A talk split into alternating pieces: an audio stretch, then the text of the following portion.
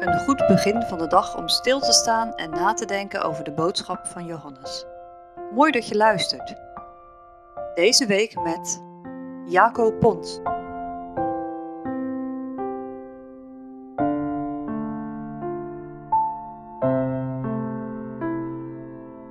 Vandaag denken we na over het geloof van Martha. Het thema is dan ook Martha gelooft. En dat lezen we in Johannes 11, vers 17 tot en met 30. Jezus dan, gekomen zijnde, vond dat hij nu vier dagen in het graf geweest was. En dan gaat het over Lazarus. Betanië nu was nabij Jeruzalem omtrent 15 stadien vandaar. En velen uit de Joden waren gekomen tot Martha en Maria, opdat zij haar vertroosten zouden over haar broeder. Martha dan, als zij hoorde dat Jezus kwam, ging hem tegemoet. Maar Maria bleef in huis zitten.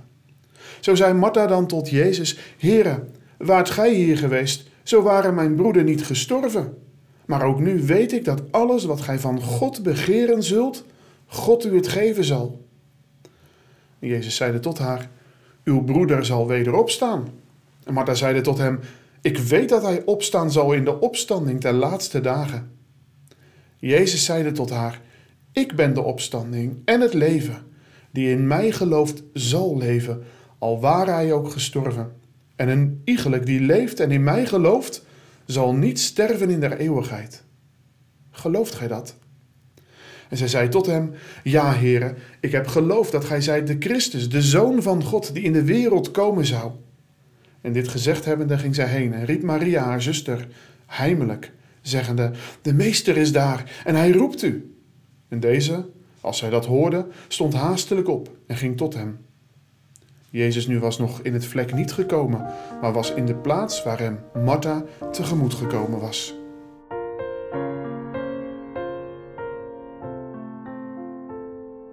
Als je nu eens vijf minuten eerder weggegaan was, als je nu toch je huiswerk eens gemaakt had, als je wat beter had opgelet, als, als, als, elk mens denkt wel eens zo, als, nou ja, dan was alles anders gegaan.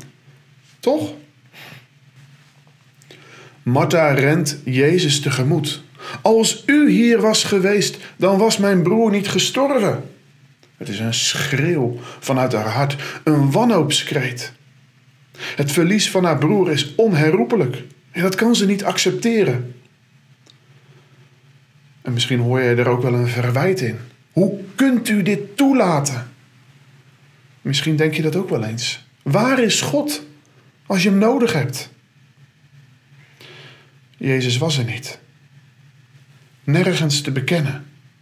Ondanks de boodschap die ze stuurde. Maar weet je wat ik nu zo mooi vind in dit Bijbelgedeelte? Zij gaat met haar klacht, met haar nood naar Jezus toe.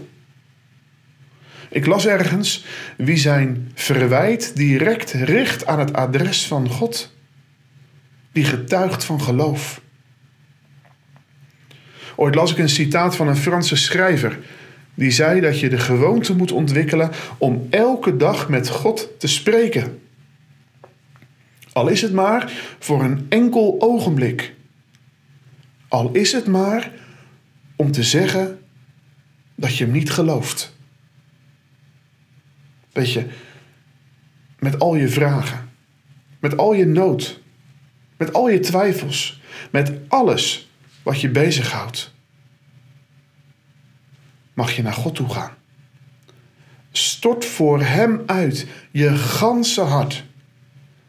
En nee, de Heer verwacht geen mooie, gepolijste gebeden met de prachtigste, mooiste zinnen. Je moet maar eens opletten als je de psalmen leest, hoeveel noodkreten, hoeveel schreeuwen erin staan. De Heer weet toch al wat je nodig hebt, nog voordat je Hem bidt. Hij weet al wat er in je hart leeft.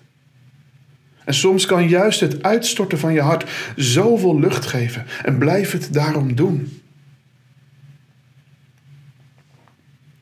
Waar Jezus is, daar brengt Hij leven. Waar Hij is, is er hoop. En hoop doet leven.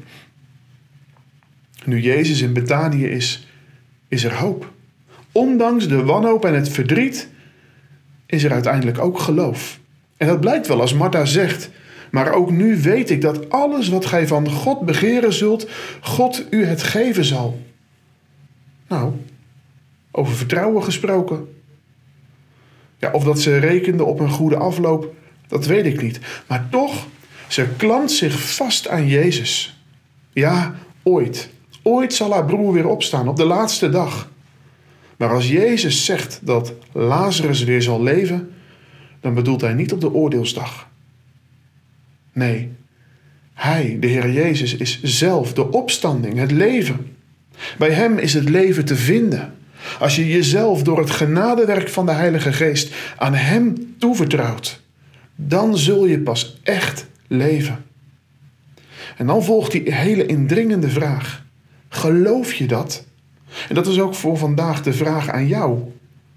Geloof je dat? Geloof je dat Hij het leven is? Dat in Hem de eeuwige toekomst zeker is? Geloof je dat Hij van dood weer levend maakt? Ja, heren. Ik geloof dat U het bent. Dat U de Messias, de Zoon van God bent. Dat U degene bent die naar de wereld komen zou. Martha gelooft het.